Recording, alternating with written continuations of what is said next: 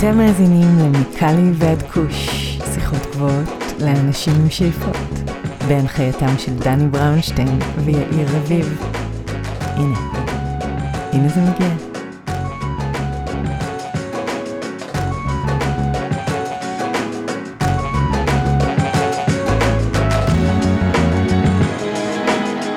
אהלן אהלן, מה קורה יאיר? הכל בסדר גמור, דני, פרק שחיכית לו הרבה זמן, אה? בהחלט, פרק שאנחנו גם מחכים לו הרבה זמן, ולהדגיש, אנחנו הקלטנו את הפרק הזה כבר לפני משהו כמו חודש וחצי, אם לא יותר.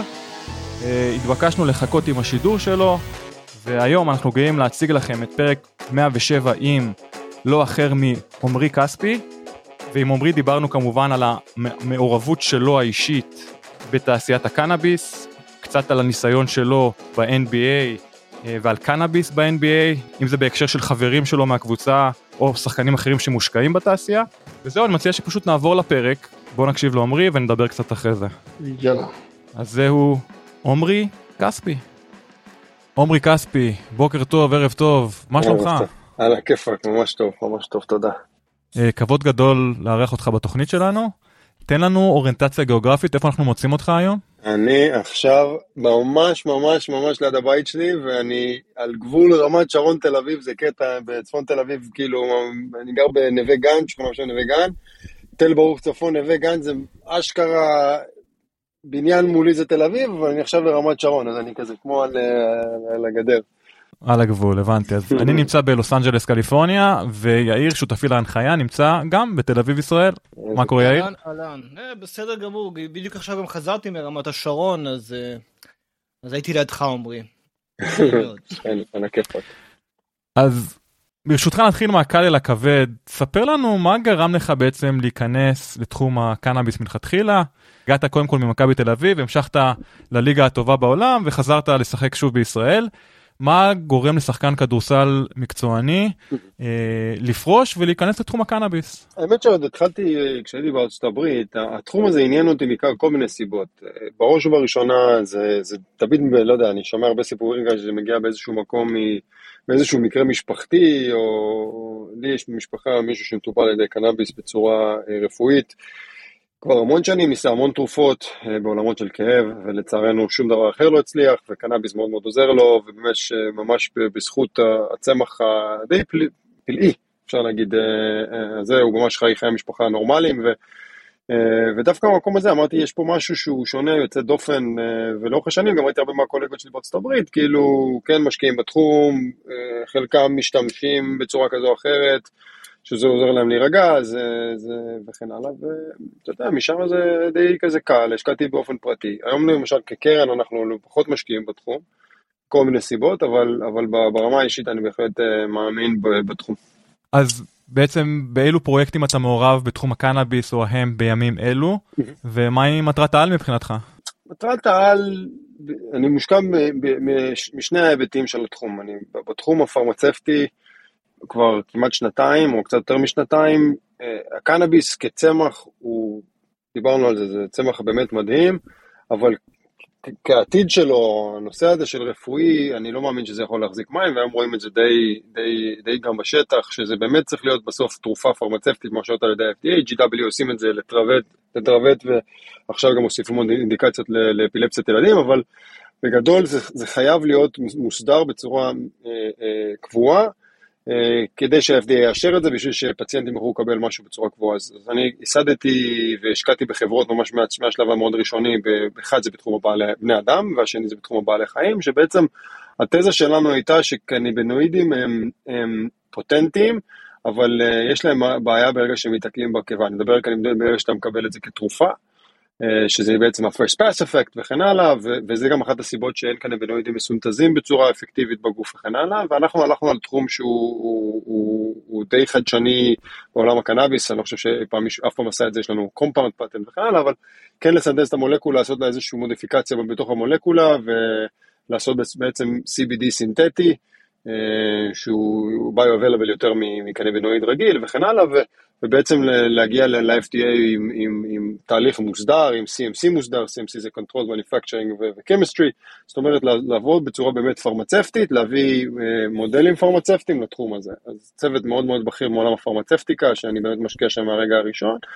ועשינו מודל מאוד דומה גם לבעלי חיים, כי בסוף אם יש משהו שעובד על בני אדם, אז אפשר לעשות repurposing לבעלי חיים בצורה יחסית טובה, כי אתה כבר עשית מודלים על חולדות או עכברים, ומשם לקחת את זה לפעמים לכלב או לקוף, ומשם לבני אדם. אז, אז יש לך כל מיני דאטה כזאת שלא מש, לא משתמש, לא, לא משתמשים בה, ואת הדאטה הזאת בדיוק לקחנו מכמה חברות, גם מהחברה שלנו, לעשות את זה בעצם תרופה לכלבים וחתולים. אז, אז זה בצד הפרמצפטי, וממש בקצרה, אז בצד הבני אדם, recreational יותר, דווקא בטכנולוגיות, אני מושקע בג'ינג'ר, שזה חברת direct to consumer, אני מושקע בקליק, שזה VV brand, זה בעצם פלטפורמה של ברנדים, ועוד חברה בשם טייסון 2.0, עם מייק טייסון, חברים שלי, חלק מהמייסדים של החברה, עכשיו כזה roll-out למה של טייסון, אז גם שם אני מאוד. ראיינו את רועי אדרי בתוכנית שלנו, דיברנו על ג'ינג'ר ועל קליק.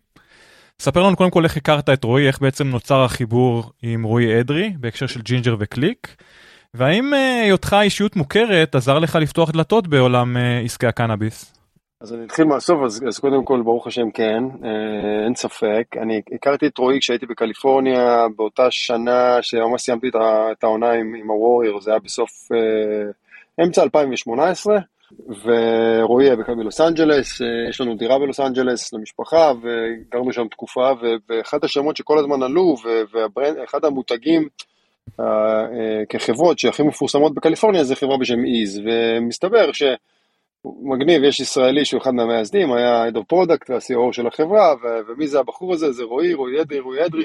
Eaze היא חברת market uh, place בעולם השליחויות של, של קנאביס, באמת מהחלוצות בתחום, אז, אז באמת ככה הכרנו, ומשם באמת הגיע הרעיונות לעבוד יחד.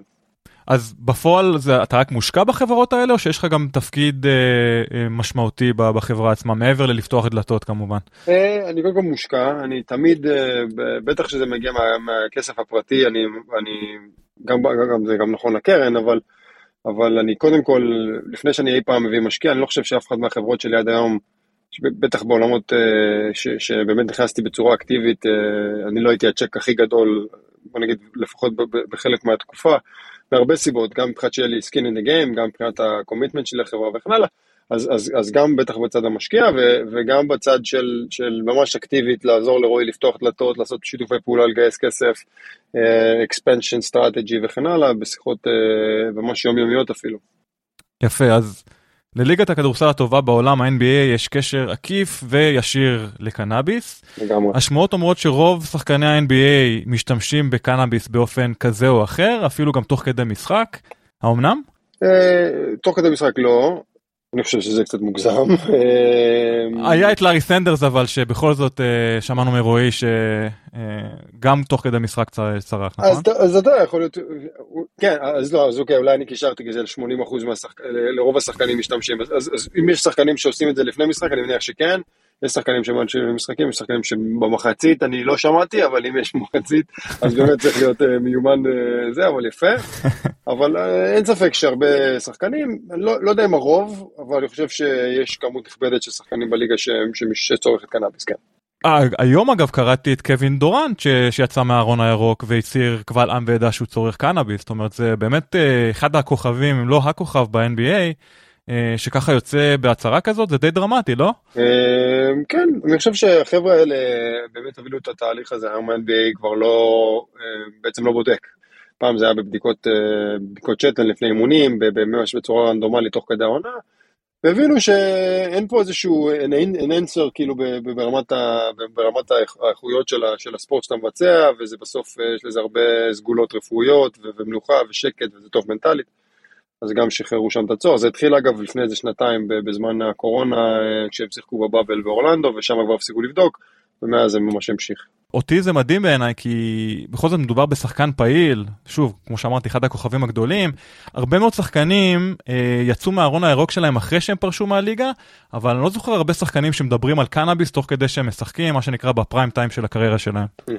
אה, זה, זה, אני חושב שיש פה כזה public perception ויש פה נושא של אה, מודעות בציבור וקבלה בציבור, אין ספק שהיו הרבה חבר'ה בארון, אני חושב שגם, הנה עכשיו קווין דורנט יוצא לדבר על זה, אז זה גם ייתן צוהר להרבה שחקנים אחרים להרגיש בנוח. חד משמעית. אני רוצה לציין משהו בהקשר הזה שהוא של הבדיקות סמים שבאיזשהו מקום כשאתה יוצא ל, ל, לספורטאים לעובדים או למה שזה לא יהיה בדיקות סמים בפועל בדיקות סמים זה מילה מתעתעת לבדיקות קנאביס כי שום דבר אחר לא עולה בבדיקות האלה חוץ נכון. מקנאביס. אה, זה, זה נכון לבדיקות uh, בשתן, אם, אם, אם, אני, אם אני מבין אותך נכון, אני חושב שזה נכון לשתן. כן. Uh, עד היום עושים כן, אבל גם בדיקות דם. שחקנים עושים בדיקות דם גם לסמים. כאילו סטרואידים וכאלה, זה יותר כאילו, הם הולכים גם על הכיוון ו... הזה. בדיוק, כן, אז הם מכסים, זה, זה, גם שחקנים התנגדו לזה בצורה כזאת או אחרת, לאו דווקא מבחינת הבדיקה עצמה, אלא יותר שאתה, כי זה פתאום ביום של משחק, ממש צהריים של משחק, הם קוראים לך לבדיקת סמים, אתה צריך עכשיו לתת דם, וזה לא הכי נעים, ולוקחים ממש איזה שתי מבחנות. ואז כזה עשו את זה דווקא ביותר בימי אימון, אבל, אבל עושים גם וגם, כן. Mm. אז אגב, לפני שהחוק הזה התבטל ב-NBA, האם אותך באופן אישי בדקו לשימוש בקנאביס במהלך אה, קורה, שנותיך כן. ב-NBA? כן, זה קורה כל הזמן, ארבע פעמים בשנה בצורה רנדומלית. או עכשיו כבר לא, אבל כן, זה לאורך השנים בטח. אז אפרופו שחקנים שפרשו כבר מהמשחק, אילו שחקני NBA כיום מושקעים בתעשיית הקנאביס? וואו, אתה יודע, KD מושקע ב Weedmaps, אם אני לא טועה, וזה יצא גם publicly, קליי תומפסון חברת CBD. יש לנו, אצלנו בחברה, בכמה מהחברות מושקעים הרבה שחקני NBA, את לארי סנדרס מכירים, אבל יש גם הרבה חבר'ה שגם מפרט, הנה, אתה רואה, הם משחקים בליגה ועדיין לא מרגישים הכי בנוח אה, לשוחח ולדבר על הנושא הזה. אבל okay. אוקיי. uh, מנעד מאוד רחב, מאל איירינגטון שהם בוויולה, ואלן אייברסון, והרבה חבר'ה מסביב הליגה, הם ברון דייוויס מעורב בצורה כזו או אחרת בעולם, יש הרבה חבר'ה. האם אתה חושב שהטרנד הזה ימשיך להתפתח בשנים הקרובות? נראה עוד אה. שחקנים כאלה מצטרפים? זה תלוי לאן התעשייה תלך, זו שאלה יותר מורכבת מזה. אני חושב שהרבה חבר'ה כבר הרבה שנים בתוך, ה, בתוך התעשייה הזאת, וחבר'ה מאוד מאמינים בזה. מעניין לאן אתה תלך. אני חושב שהנושא של הלגליזציה הפדרלית היא תשפיע לחיוב על התחום. הבעיה שזה, מצד אחד אני שומע ש-MSOs כאלה לא רוצים לאפשר את זה מהרבה סיבות, מצד שני אנחנו רואים אה, שחקנים כן רוצים להשקיע, יש פה, יש פה איזשהו ניגוד. אבל אנחנו עדיין רחוקים מ... בוא נגיד ספונסר מתחום הקנאביס שייתן ספונסר שיפ לקבוצת NBA. או לליגה עצמה, נכון? זה לא, זה לא יקרה בקרוב. אני לא חושב שזה יקרה בקרוב, מהרבה סיבות. לפחות עד שלא תהיה לגליזציה פדרלית, כמו שאתה אומר. בדיוק, כן, לגמרי. אז אחת הסיבות בגינן שימוש בקנאביס נפוץ בקרב שחקני כדורסל וספורטאים בכלל, היא העובדה שקנאביס יכול לסייע בהתאוששות, בכאבים, חרדות, חוסר שינה ועוד. מה אתה ראית בריל טיים ששיחקת בליגה הטובה בעולם? למה באמת רוב השחקנים צורכים קנאביס לדעתך? כי מצד אחד זה CBD ובכלל צמחי קנאביס אה, ברובם עוד יש, יש CBD ופונקציות כאלה ואחרות של קנאבידוידים שהם אנטי-פלמטוריות אז, אז בטח בעולמות של כאב ולהרגיע אחרי משחק זה מאוד מאוד עוזר. זה נכון מנטלית, לפעמים גם זה, חבר'ה רוצים את הפינה שלהם, את השקט שלהם, זה נותן להם קצת להתנתק מהעולם, לישון יותר טוב, למקומות של שינה זה מאוד עוזר, אה, אז, אז אלה בעיקר ההיבטים שמשתמשים בהם. ורוב השחקנים שכן צורכים קנאביס, עדיין צורכים את זה בפורמה המקובלת וההיסטורית שזה עישון, או שדווקא מעדיפים אה, אמצעים אלטרנטיביים, אם זה טינקטורה או ספרי כמו של קליק, או משהו שהוא קצת יותר בריא? כן, אז אני חושב שזה תלוי. אה, אני חושב שה-vast majority, הרוב של השחקנים, בכלל גם, גם רוב הצרכנים באמריקה, לפחות פעם אחרונה שבדקתי, הם עדיין צורכים קנאביס כעישון. אה, אבל אין ספק שכל התחליפים במרכאות אה, אולי שהם יותר בריאים, שאין כזה second hand smoke, שאנשים לידך, אתה, למשל אתה במיטה ואתה רוצה אה, ללכת לישון ואתה מרגיש שזה יכול לעזור לך, אז שם באמת המקומות האלה של ספרי וקליק למשל, שהוא מאוד מאוד מצליח בעולמות שאתה ליד הילדים או וכן הלאה, אבל אני חושב שכל המקומות האלה זה, זה כזה מין, מין כזה בלנד. Uh, הרוב אני מניח שעדיין מעשנים, אבל אין ספק גם יש לך את ה gummies ויש לך tinctures ויש לך את קליק שנותן את, את, את, את האפקט מהיר ומצד שני הוא מאוד דיסקרטי. אז אני חושב שזה blend. עכשיו לכל קבוצת NBA כמו שאני יודע יש אה, רופא קבוצה, האם בכלל ברפואת ספורט, או האם רופאי הקבוצה היום של קבוצת NBA, האם הם אה, משתמשים בקנאביס כחלק מהמערך התרופתי שלהם? האם זה חלק מ... אה, נקרא לזה סל הכלים שלהם בטיפול? לא משתי סיבות עיקריות. אחת, שהן קשורות אחת בשנייה, בעיקר סביב הנושא הזה של יותר ויותר מחקרים קליניים שצריכים להתבצע בצורה מתודולוגית ופרמצבטית, כדי שהם גם יוכלו לאשר את זה. אני לא חושב שגם זה חוקי מבחינת אה, רופאי הקבוצה לתת משהו שהוא גם תלוי איפה אתה נמצא, באיזה state אתה נמצא, איך אפשר לעשות משהו קבוע. נגיד, בוא נגיד CBD, כי CBD אנחנו יודעים שעוזר גם ל inflammation, גם לחרדות. מה קורה עם רופא, הרופא כאילו באופן תאורטי יכול להשתמש ב-CBD בכל מקום בארצות הברית היום. כן, אבל הנושא הזה שכל עוד זה לא עבר רגולציה אה, של הפדרלית של ה-FDA, אני לא חושב שזה משהו שהוא יהיה בקנה הראשון. אגב, CBD, ואני, ואני חושב שיש לו סגולות מדהימות, אבל גם העולמות של האנטי-פלמטורי הוא, הוא אגנוסטי, אה, יש לו, יש לו פונקציות אה, אנטי-פלמטוריות מאוד טובות, אבל הוא עדיין לא מספיק חזק למשל כמו בטח לא סטרואידים או... או קרפרופן וכן הלאה, אז, אז, אז, אז זה באמת תלוי, אבל אני לא חושב שיש מספיק דאטה בחוץ עדיין, בשביל שהחבר'ה יאשרו את זה או, או משהו כזה. הבנתי. אני רוצה שנייה לחזור ל... בעצם לעסק ש, אה, שדיברת עליו לגבי קנאבידואידים מסונתזים או סינתטיים. איפה נמצא הפרויקט הזה היום ומתי לדעתך אה, נראה מוצר בשוק או מוצרים? אז, המקום שלנו כמולקולה מסונתזת, זה, זה ידענו מראש שאנחנו נכנסים לתהליכים יותר ארוכים. Uh, בכלל האינטראקציה מול ה-FDA ולסנתז מולקולה כמו שסינתזנו אותה זה, זה משהו שהוא never been done before, בטח לא בתחום הקנאביס, זה, זה been done before אבל לא בתחום הקנאביס, אני צריך לציין סליחה, אבל uh, לקחת את זה ממקום של deuterated פרוטוקול ולסנתז את זה ואחרי זה להיכנס לתוך עכברים ולעשות trials ו in vitro trials וממש להיות, זה תהליך שהוא יותר ארוך. מצד שני, ה reward הוא הרבה יותר גדול, כשמסתכלים היום על GW ועל המסמכים שלהם ועל, ועל ה reporting שלהם, היום זה כבר נקרא Jazz Pharmaceuticals, שהם נמכרו ל Jazz, אז באמת רואים איך blockbuster drug מגיע מ phyto-derived CBD, שכבר תרופה שנמכרת מעל 800 מיליון דולר בשנה. אמ, ואתה באמת יש לך אה, הבדל מאוד מאוד משמעותי ביניהם לבין כל השאר, כי, כי אתה מאושר ב-FDA, אתה יכול למכר בפרמצבטיות, אה, הרופאים יכולים לתת את זה כמרשם וכן הלאה וכן הלאה. לכן אנחנו הולכים לתהליכים יותר ארוכים. מה שכן יש לנו ברוך השם זה אה, כל מיני תהליכים כאלה ואחרים שאנחנו יכולים לעשות fast track ל-FDA בגלל שאנחנו בסוף אנחנו CBD, אין הבדל בין CBD מסונטז ל-CBD מהצמח, לכן כשאנחנו עושים את מה שאנחנו עושים בתוך הסינטוז של המולקולה, אנחנו מבקשים מה-FDA כרגע, אנחנו בשיח מול ה-FDA יחד עם uh, משרד עורכי דין הכי, הכי גדול בעולם בתחום הזה, כדי לקבל 505B2, שזה בעצם תהליך מואץ. אה, לקבל אישור ב-FDA, שאנחנו לא נצטרך לעבור את כל ה-pre-clinic studies, ולמרות שאנחנו נעשה חלקם, כי אנחנו רוצים את זה בשביל ה data package, אבל כן להגיע יותר מהר לבני אדם ולשחרר תרופה שתהיה בעזרת השם יותר זמינה בגוף, מאשר התרופה של GW. אז זה עדיין בתהליך של כמה שנים קדימה, נכון? כן. זה לא יקרה אה, כן. בשנה, שנתיים הקרובות. לא, לא, זה תהליך יותר ארוך, מה שכן אנחנו נראה בעזרת השם ב inflection point מאוד מאוד גדול, שלנו כבר מחקר וה-IND פתוח עם ה-FDA, בעצם file עם ה-FDA, שה-FDA מכיר בזה, ואנחנו כבר לפני, לפני מחקר בבני אדם, שאני בעזרת השם צופה בצורה קונסרבטיבית כזו או אחרת תוך שנתיים. וההבדל העיקרי בהשוואה ל-GW זה באמת עניין הספיגה של המוצר בגוף, הזמינות הביולוגית כמו שאמרת? כן, יש, שני, יש כמה הבדלים משמעותיים. אחד, בסוף GW מתעסק, מתעסקים ב phyto-derived מ-CBD שיוצא מן הצמח.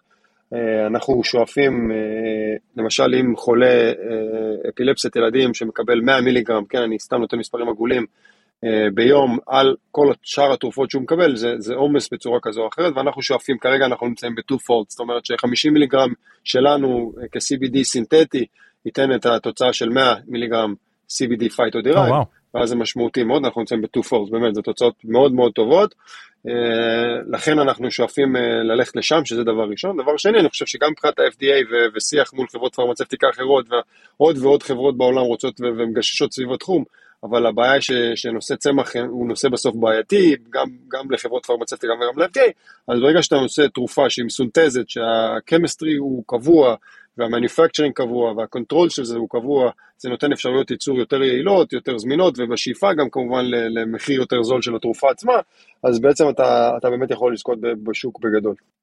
עכשיו דיברת על CBD בהקשר הזה, האם אה, יש גם אה, איזושהי כוונה להתפתח לקנבידואידים אחרים, כמו כן. CBN, כמו CBG, כמו CBDV, אתה רוצה לפרט על זה קצת? אם יש כוונה אז כזאת? בהחלט יש כוונה כזאת, אני חושב שהתהליך הזה הוא מאוד מאוד מורכב. אנחנו מכירים עוד חברות בעולם שמתעסקות בעולמות האלה, אה, גם בישראל וגם בעולם. אה, זה תהליך מאוד קשה, שצריך לראות איך, איך באמת אה, זה, אבל גם THCV ו-THC, ו- ו- ויש כאן בינודים כאלה שעוד אפילו לא מכירים ויודעים איך קוראים להם, אה, לכן שזה תחום מעניין. יפה. עכשיו חזרה לליגה ששיחקת בה, האם נתקלת בשחקנים או מאמנים עם דעות קדומות הקשורות לקנאביס, אם זה ב-NBA או בליגה הישראלית? אה, פחות, אני חושב שזה הפך להיות כזה מין, אתה יודע, בטח בחמש השנים האחרונות, משהו שהוא די טריוויאלי. אני חושב שהמון צעירים וזה, מקבלים את זה היום משהו כאילו, משהו שהוא די טבעי אפילו שקורה, אז אה, לא, פחות. אני חושב שההורים שלנו עברו תהליך אה, הכלתי כזה יותר של, של הדבר הזה, ופתאום הבינו שזה לא, אתה יודע, זה לא, זה לא מה שציירו להם כ- כחבר'ה צעירים, והיום זה משהו שהוא די, די, די נורמלי, אני חושב. אה, מסכים? למרות שאני עדיין רואה פה ושם דעות קדומות, אה, או כל מיני אנשים שפשוט אה, גדלו על, אה, על חינוך אחר, כן. שקשה להם לשנות את דעתם, קשה, הם עדיין מאוד תקועים במקום.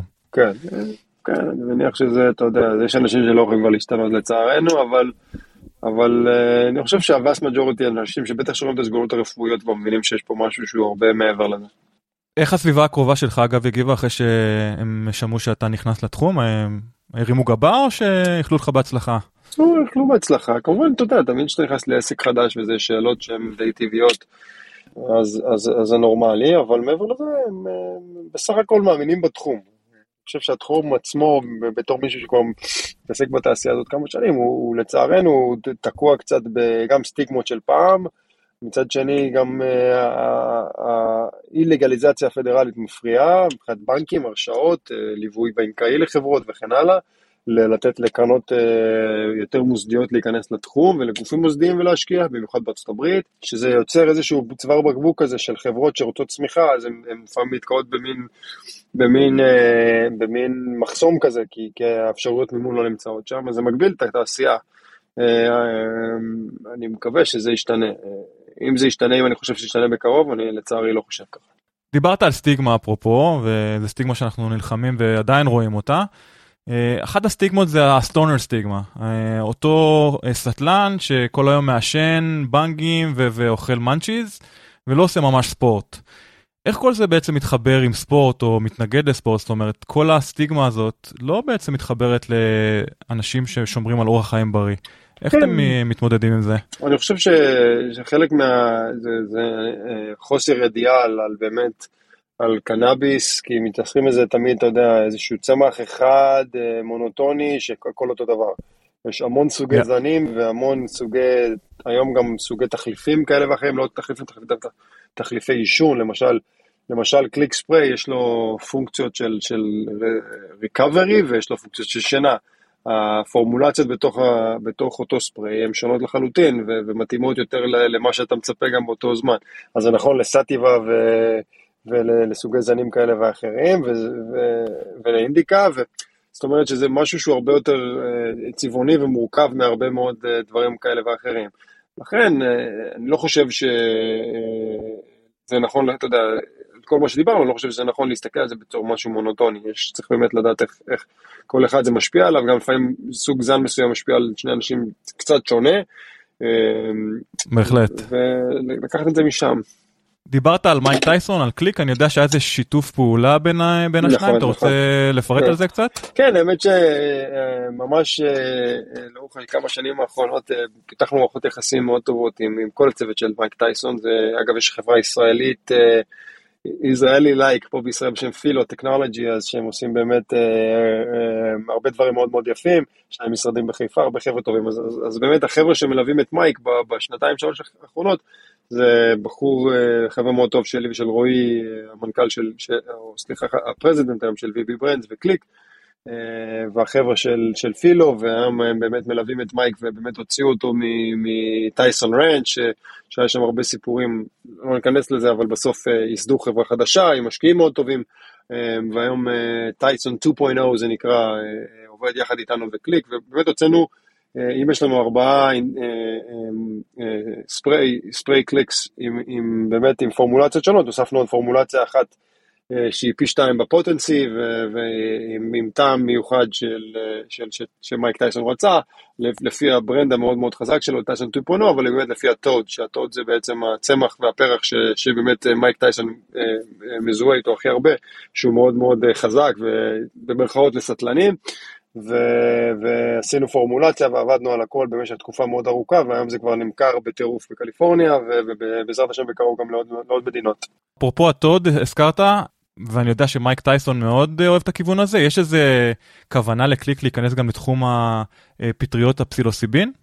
אמ, אנחנו דיברנו על זה ואנחנו חוששים, אחד הדברים שאנחנו רוצים להיכנס בקליק, שקליק בסוף, בסוף זה אני ורועי היינו ב Venice Beach, ושם באמת הרעיון הזה התחיל, התחיל אה, לתפוס עור וגידים, ואז באמת קראנו לחברת ההחזקות VB Brands. ש-Venice Beach Brands, לא הרבה אנשים יודעים את זה, ובסוף קליק זה ה brand הראשון, וטייסון 2.0 זה הברנד השלישני, ו- ועכשיו אנחנו עושים gummies השלישי, אבל אני חושב ש... איזה gummies אגב? גם פורמולציות שאנחנו בנינו לעצמנו, אנחנו מייצרים את זה בסן דייגו עם, עם manufacturing בסן דייגו, וממש אוטוטו זה, זה אמור לצאת גם לחנויות, אז יש לנו איזושהי טכנולוגיה מאוד מאוד חדשה, שבאמת האפקט הוא, הוא מרגישים אותו מאוד מאוד מהר, אה, שזה איזשהו license שעשינו מחברת אה, פיתוח טכנולוגי מאוד מדליק, אז, אז, אז לנקודה, אנחנו באמת יש לנו כבר שלושה brandים, ואנחנו שואפים להיכנס, להכניס עוד ועוד brandים תחת לפלטפורמה, ואחד הדברים שדיברנו עליהם זה גם סילוסייבין, מצד שני אנחנו גם מתרחבים גם לעומק וגם לרוחב, זאת אומרת שאנחנו כבר בהסכמי הפצה בהרבה מדינות, גם, גם בארצות הברית, גם בקנדה וגם באירופה, ושם זה יותר מורכב, והשוק בקליפורניה, אתה צריך באמת להתמקד בו בשביל להצליח, וה distribution channels הם קשים, ו, וזו תעשייה שהיא זה, אז אנחנו העדפנו להתרחב יותר לרוחב מאשר להיכנס לתחום של הסייבר. אוקיי, okay, fair enough. ברשותך אני רוצה לעבור לכמה שאלות אישיות. Okay. אוקיי. קודם כל לפני שמתחילים, מה דעתך על פלייאוף ה-NBA אה, המטורף שעובר okay. עלינו? האמת שזה פלייאוף מדהים. אמ, בדיוק אה, דאלאס ניצחו את אה, פיניקס במשחק 7 ו...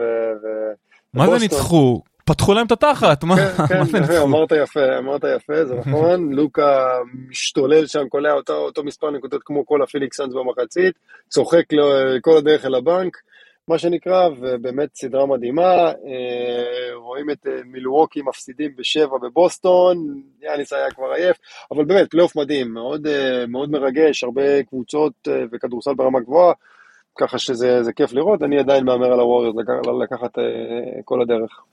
וואלה, אז אתה אומר שהחברים שלך הולכים עד הסוף. עד הסוף. בפעם השלישית בשש שנים? שבע שנים, נכון? 2015 ו-16? ו-17-18 וזאת הרביעית. הרביעית. כן, הם זכו אחד בלי דורנט אתה... ופעמיים עם דורנט, ובעזרת השם גם עכשיו. האם אתה עדיין בקשר עם אה, כמה מהחברים האלה מגולדן כן, סטייט? כן, האמת שכן, אני בקשר עם חבר'ה ששיחקו איתי ופרשו מאז, גם עם שון ליבינגסטון וזזה פצ'וליה, אני בקשר עם KD ששחקנו יחד, עם דריימונד, עם סטף, uh, עם קליי מדי פעם, מי עוד מהווריירס של אז. זהו, האמת, אה, כן, הרבה חבר'ה מהליגה אני בקשר. כן, עם ג'יימס ארדן אני בקשר, עם קיירי הייתי בקשר, לא בקשר. אה, יש כן. געגועים לתקופה ההיא? לא, האמת שאני מאוד נהנה, כאילו, כל תקופה, אני תמיד, אה, תמיד היה לי חשוב כזה ליהנות מכל תקופה כפי שהיא. כששיחקתי היה לי מאוד כיף, היום מאוד כיף לי בחיים אחרי, וזהו. אבל אתה עדיין עוקב לפלייאוף. על ה-NBA. האמת שהיה לי, כן, האמת שהיה לי איזה שנה כזאת, בטח בשנה האחרונה מאז שפרשתי, כזה מין אה, שנת, אה, אתה יודע, כמו כזה התבדלות לגמרי מהספורט, ו- ולא ראיתי בכלל, לא, לא רק כדורסל, בכלל לא ראיתי את מכבי, לא ראיתי כדורגל, לא ראיתי טניס, לא ראיתי כלום. עכשיו זה כבר קצת מתחיל לדגדג, אז אני, אוקיי, יש בערך עשר וחצי בוסטון מיליורוקי, אז השכן אומר יאללה בובו יש גרעינים, אז אני הולך, והדיוק מתחיל, אה, זה, אבל אני, אני נהנה מזה, היום אני כבר מתחיל לראות קצת יותר ומתחיל לחזור קצת לעניינים, אבל לא ראיתי הרבה משחקים, אני לא יכול להגיד שראיתי הרבה משחקים בפלייאוף, אני לא חושב שראיתי משחק אחד של הווריורס מלבד אותו מחצית ראשונה לפני איזה שבוע וחצי, נגד ממפיס אה, במשחק הראשון, וזהו בעיקר. אז ווריורס נגד דאלאס מבריקס, הימור שלך, אה, כמה זה נגמר? אמרת שווריורס לוקחים, אבל בכמה? באיזה תוצאה? 4-2. 4-2 לווריורס, אוקיי. נראה. אז עמרי, האם אתה משתמש בעצמך במוצר קנאביס כזה או אחר, אם זה CBD או THC? האמת שלא, לא יודע למה, לא. לפעמים הולך לקליפורניה לא, מדי פעם, כת- אני אבל אה, ככה נהנה או משהו, אבל לא, לא, לא באופן קבוע. אוקיי. ואם אתה כבר בקליפורניה ואתה מה שנקרא צורך, זה, זה קליק, זה, זה. טינקטורות, זה משקאות, מה זה? אה, יותר קליק. קליק, כן, טוב, קליק זה הבית, אתה יודע, אתה, אתה מרגיש שזה משהו באמת שלך, baby שלך. אה, טינקצ'ורות פחות, לא, לא, התחב, לא התחברתי אף פעם למרקם, ו, ו, ובכלל, לא, לא, לא, זה, זה לא נראה לי נכון. אה, מסטיקים זה מגניב, סוכריות זה מגניב, אה, אבל לא יותר מדי, אני לא, לא, לא יכול להגיד את זה שאני משתמש קבוע או... זה, לא. אוקיי. אפרופו קליק, יש סיכוי שנראה את קליק בישראל אה, once הרגולציה תרשה את זה? אה, שזה יקרה מתי? אני יודע, 2025 אולי, אולי קצת אה, לפני. כן, ובאמצע יהיה לנו מלחמה ובחירות, ואז עוד פעם בחירות, ואז אה, מפלגות חדשות, ואז זה יידחה, ואז בינואר יבטיחו לנו שהנה עכשיו זה קורה, ועושים הסדר ומסדירים את זה, ו- ובינתיים אתה מסתכל על אמריקה, ואתה אומר, אני יכול להיות באילינוי, שמה, יש שם שמונה מיליון איש, אה, וזה אחלה שוק, וזה מחר בבוקר אתה יכול להיות שם, אז למה עכשיו לשבור את הראש פה עם עורכי דין בישראל ולבזבז כסף לפני ש... האם זה, זה חלק מזה? ברור, הלוואי, אבל האם זה יקרה בצורה ריאלית בשלוש-ארבע שנים הקרובות? אני סקפטי. כן, ריאלית אה, כנראה לא תהיה לגליזציה מלאה של קנאביס, אבל כן יכול להיות שהרגולטור הישראלי כן יתיר שימוש במוצרים כמו בקליק למטופלים רפואיים. זה אני מעריך שיקרה. אז אם זה יקרה, זה, זה, זה כן, אתה יודע, יש הרבה גם המטופלים היום עם הרישיונות ש, שמקבלים אפשרות אה, להשתמש, לא יודע, יש 100 ומשהו אלף, אני לא טועה, 105 אלף אה, משתמשי קנאביס היום רפואיים אה, עם, עם, עם רישיון, וזה צומח. אז אם זה יהיה המצב, אז, אז גם השאלה היא מה, איך השוק ייראה וכן הלאה. יפה. אז אילו שחקנים אחרים אתה מעריך בשוק הקנאביס הישראלי או העולמי? אה, פה בישראל יש כמה חברות אה, שאני מכיר קצת, חלק מהם יותר טוב וחלק פחות טוב, אבל חבר'ה של, אה, של אינטרקיור, אה, זה חבר'ה שאני אוהב, אנחנו מדברים על קנדוק כמובן, אני הייתי מעורב יותר בעבר, חקרתי קצת את השוק הישראלי יחסית טוב בהתחלה, ואת BOL שקצת שינו פאזה והפכו דווקא להיות יותר בעולמות של, ה, של ה brand ו consumer כזה play, ולאו דווקא פרמצבטי כמו שבהתחלה הם רצו, הרבה מהחבר'ה המייסדים Yeah. עזבו, אה, זו חברה שנייה, יש את IMC ש... ש, ש, שכל השוק הציבורי גם חוטף מכה, בטח כל אלה שבקנדה, אז, אז לצערי ירדו, יש את אינוקן פארמה, את איריס שעושה הרבה מאוד, מאוד דברים יפים. אה, יש עוד, אני לא, אני, אתה יודע, אלה החבר'ה שככה באים לראש, כל החבר'ה של תיקון עולם הייתי ביקש את מה שהם עשו בארצות הברית עם צחי, בארצות הברית זה פחות הלך להם לצערי. שציח, אה, אני, אני לא מעורב איתם, אבל ביום יום איך, איך הם נראות. הבנתי. אז דיברנו קצת על קטגוריות אחרות, על משקאות, אכילים בהשפעה מהירה, ספרי, קפסולות וכולי. איזו קטגוריה מרגשת אותך במיוחד ולמה? אני חושב שלמרות של הברנד הם, הם עולמות ש, שזה צריך להיות היום משהו שיותר יותר, יותר רחב, אה, אה, יותר לעומק, אני אומר. זאת אומרת ש-VB ברנדס צריכה להיות כמה מוצרים. אם אנחנו מסתכלים על קליק זה אחד מתוך כמה, אז צריך להרחיב. הפרח הוא עדיין אה, הפונקציה הכי חזקה גם בקליפורניה, מצד שני הפרח קיבל מאוד, מאוד, מכה מאוד קשה מאז הקורונה, ש, שהיה באמת אה, ביקוש להמון, להמון אה, פרח, ואז הביקוש ירד משמעותית אחרי שכביכול במרכאות הקורונה נגמרה, ואז יצא שפרח נמכר באמת בבנזין עדשים 20 סנט על הדולר, ואז יצא כזה מצב מאוד מוזר. אבל, אבל צריך להרחיב לעומק את, ה, את המוצרים שיש בכל, בכל זה, אז אני חושב שספרי זה אחד מהם, יש את הקלינסלפ שאני מאוד uh, חושב שזה משהו שיכול להיות מגניב, למרות שאף אחד מהם לא עדיין בנה ברנד חזק. גאמיז זה נחמד, ופרייזר זה בסוף זה איזשהו כן אלמנט ש, שאנשים מתחברים אליו, למרות שיש טרנד בסן פרנסיסקו קצת פחות מסמוק בכלל וכן הלאה, אבל, אבל בסוף אלה הדברים שיובילו את השוק בעולמות האלה. מה אתה חושב על משקאות קנאביס? אתה חושב שזה יהיה תחליף כן. ראוי לאלכוהול? שאלה טובה. אני חושב שכן, יש את גם חבר'ה, את טיו והחבר'ה שעושים את המוצרים שלהם וגם קאנה, נכון? כאן, כן, הם עושים את המוצרי משקאות ש... שזה, לפני מספר ימים זה עושה רושם שהם כזה די שולטים בשוק. כן, טיו לדעתי דווקא אתה מדבר על, אה, על brand אחר. לא, טיו זה brand אחר. על, ו... על אנקל ארני אם אני לא טועה. אנקל ארני, נכון.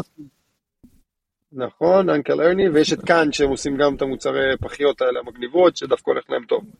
אז יש, יש גם. נכון, כאן, כאן זה אחד המותגי המשקאות הגדולים בקליפורניה, כן. אה, משקאות הקנאביס כמובן, וגם גווינית פלטרו בנוסף לעוד ידוענים אחרים מושקעים בברנד הזה.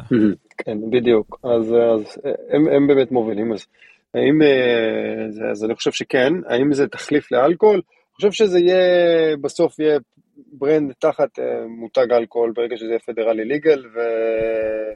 וזה חלק מסל מוצרים שהמותגים, וזה עוד מוצר, אני לא חושב שזה יכול להחליף את האלכוהול לגמרי, אבל זה יכול להיות עוד מוצר מאוד מאוד מדליק, אה, שיחד עם זה, כן. אז מה הטיפ הראשון שהיית נותן ליזם בתחום הקנאביס? טיפ שלא למדת בבית ספר. Hmm.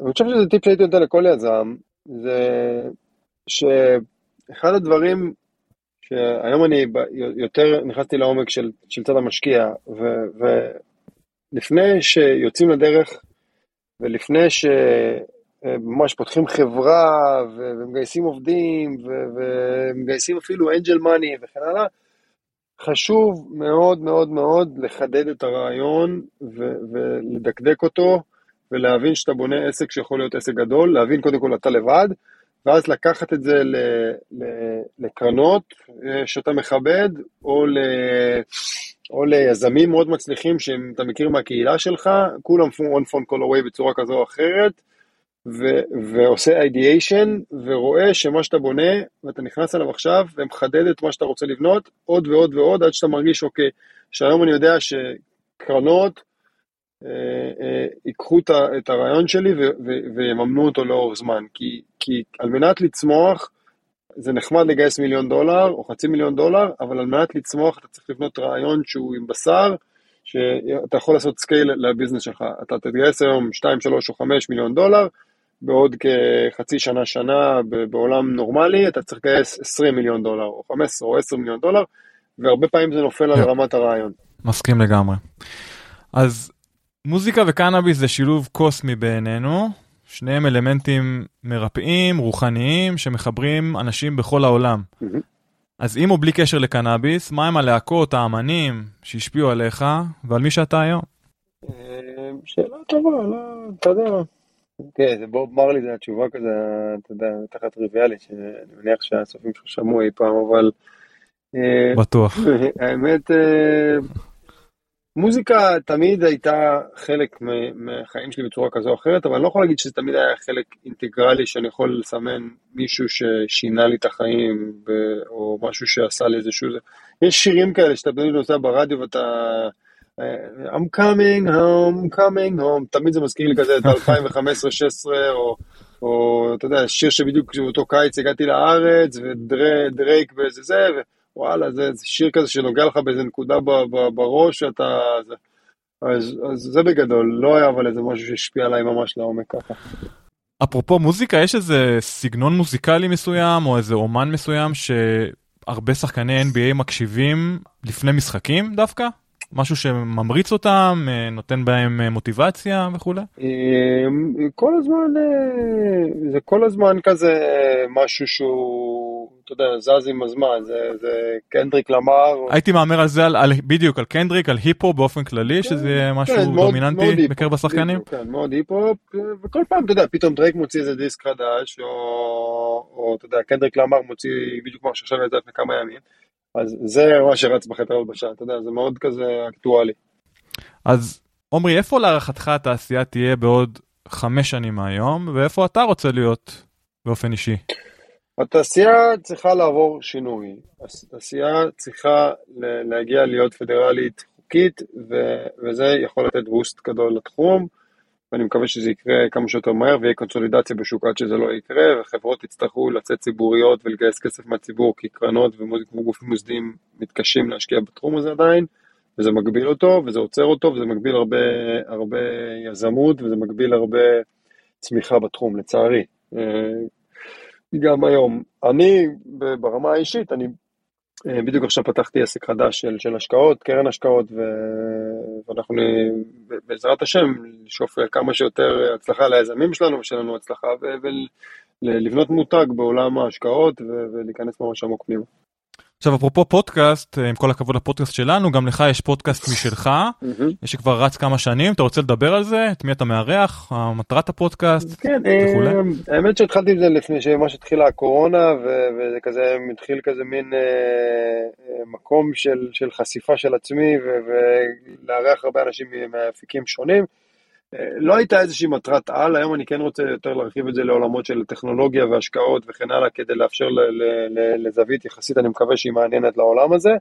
אמ, אני מערך באמת מנעד מאוד מאוד רחב של אנשים, אני מרגיש שאני נוגע בכמעט כל אה, אה, אה, סוגי האוכלוסייה, ומרמה פוליטית ימין ושמאל, לספורט, לקומיקאים, לנשים, לגברים.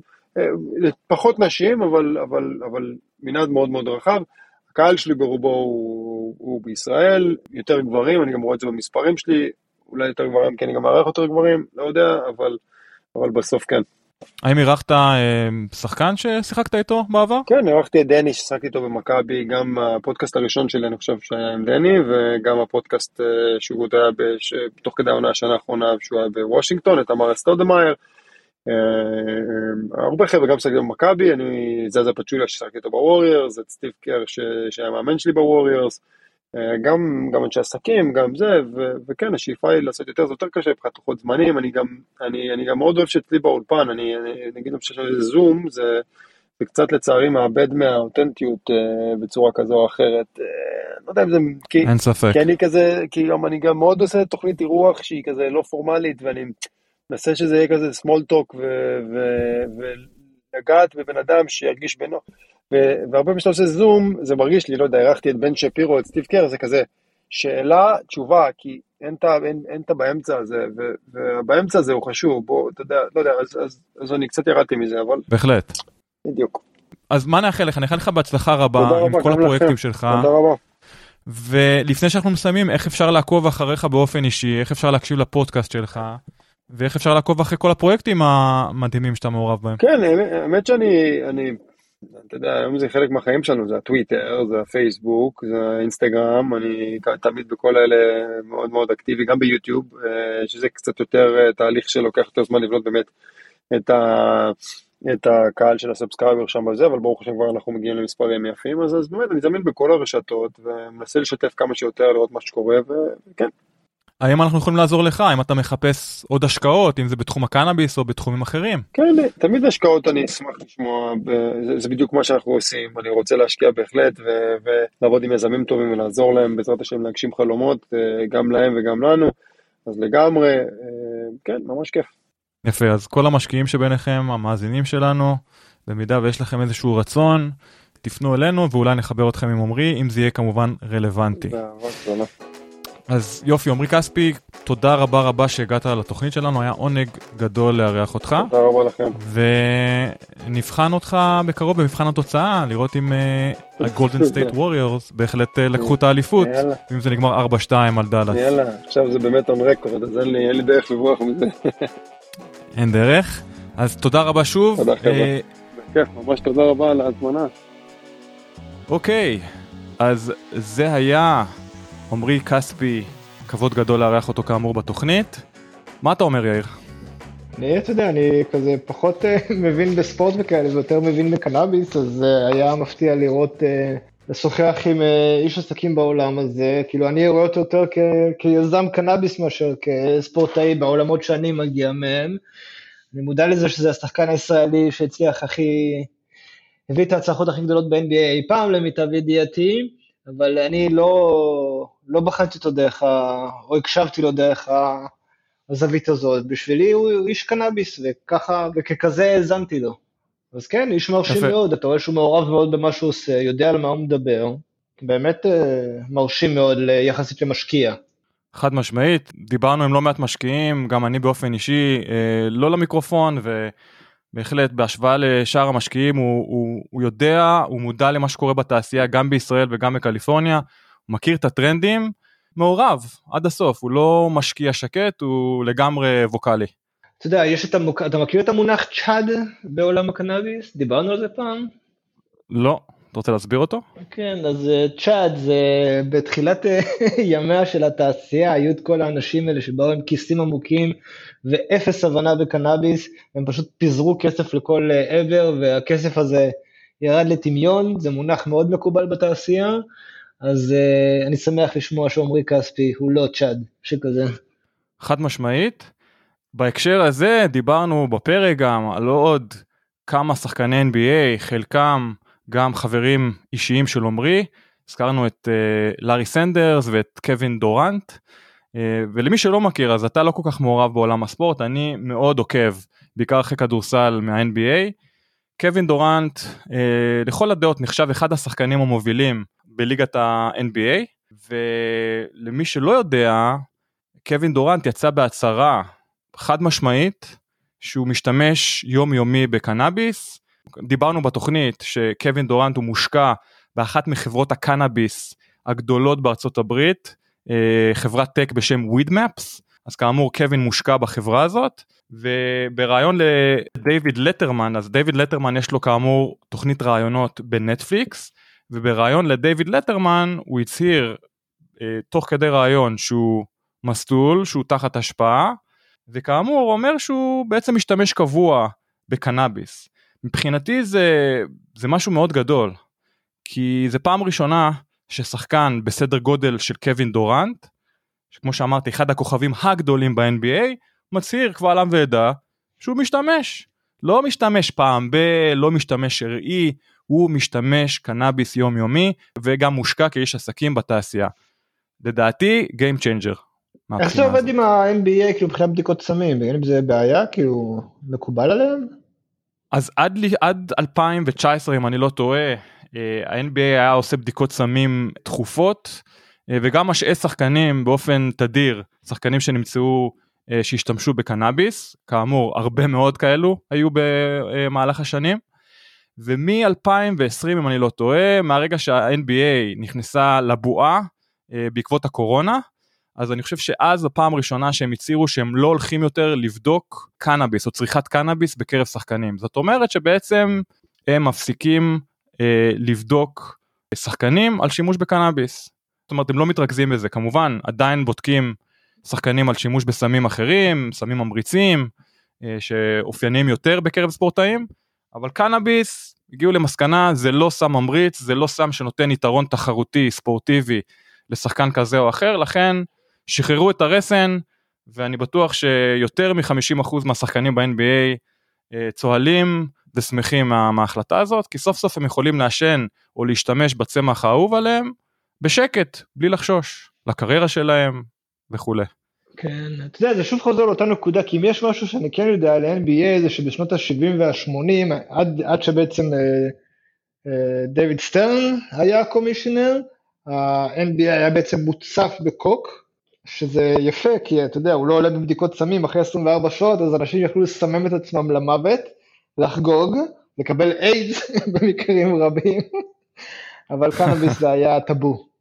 והנה אנחנו בימים אה, אחרים והיוצרות התחלפו ועכשיו קנאביס הפך להיות להרבה יותר פופולרי גם בגלל המעמד החוקי שלו. קוק אני מניח ש... תשמע בוא לא נהיה תמימים אני בטוח שעדיין משתמשים בו ברחבי הליגה אני מניח שפחות uh, שחקנים יותר uh, אנשים עם החליפות מאחורי השחקנים. אתה, אתה יודע את דעתי על קוק ומה אני חושב על קוק בלי להיות שיפוטי. אני עדיין חושב שקנאביס בעיקר לספורטאים uh, הוא סם הוא חומר שהוא הרבה יותר מועיל למגוון תופעות רפואיות בהשוואה לקוקאין ודיברנו על חלקן אגב ברעיון עם עמרי. כן, לא איזשהו סם שצריך להלל או להדיר יותר מדי זה באמת אה, טינופת שגומרת לאנשים את החיים. עוד משהו על קנאביס וספורט בהקשר לשאלה שלי מתי אתה חושב שנראה חברת קנאביס ישראלית נותנת חסות לחברת ספורט? אם זה קבוצת סליחה לקבוצת ספורט כזו או אחרת אם זה קבוצת כדורגל או כדורסל? אתה חושב שזה יקרה בשנים הקרובות? היה אני, אני חושב שזה אני חושב שהמחתרת שזה ארגון לא חוקי למכירת קנאביס ניסה לתת חסות לאיזה קבוצת כדורגל ולא הרשו להם לעשות את זה. אז זה היה אפיזודה מאוד משעשעת אבל אה, וואלה אני חושב שבמצב הכלכלי שהם נמצאים בו כיום, הם פשוט לא יכולים להרשות את זה לעצמם. אבל אה, בוא נקווה לימים טובים יותר. נקודה טובה. בהקשר לזה, רק להזכיר שחלק משחקני ה-NBA הם גם פרזנטורים של חברות קנאביס וחברות CBD. אה, אני חושב שעמרי הזכיר בריאיון את קליי תומפסון, אה, שרק לאחרונה זכה באליפות ה-NBA עם סטף קורי והגולדן סטייט ווריורס, אז הוא פרזנטור של חברת CBD, וכמובן לסגור את המעגל, אני, הריאיון הוקלט לפני שגולדן סטייט לקחו אליפות, עמרי כספי הימר על זה שגולדן סטייט ייקחו את האליפות ואכן כך קרה. אז סחטיין על ההימור של עמרי וסחטיין על הגולדן סטייט ווריורס, מזל טוב על האליפות הרביעית בשמונה שנים. וואו, מדהים. אז זהו, אז זה היה עמרי כספי, פרק 107 מקאלי ועד כוש, שיהיה שבוע טוב בינתיים. שבוע מעולה, דני. תודה שהאזנתם לתוכנית. אם נהניתם ממנה, ומהאורחים שהבאנו לכם, נשמח אם תדרגו אותנו בחמישה כוכבים. כל דירוג או ביקורת חיובית יעזרו לנו להמשיך להביא לכם את האורחים הכי שווים בתעשיית הקנאביס. יש לכם הצעה לאורח או נושא מעניין? נשמח לקבל בקשות והצעות לגבי נושאים או אורחים שמעניינים אתכם, המאזינים שלנו. אנא כתבו אלינו ל- From Kali to Push at gmail.com From Kali to Push במילה אחת at gmail.com אנא אל תיקחו את האינפורמציה שמוגשת בתוכנית כעצות רפואיות או עסקיות. צרו קשר עם הרופא שלכם או כל גוף רפואי מורשה אם אתם מעוניינים לצרוך קנאביס לשימוש רפואי. התוכנית נעשית מתוך אהבה ותשוקה לצמח הקנאביס, אך אינה מעודדת קנייה לא חוקית של מוצריו. תודה על ההאזנה, נשתמע בקרוב. צ'או.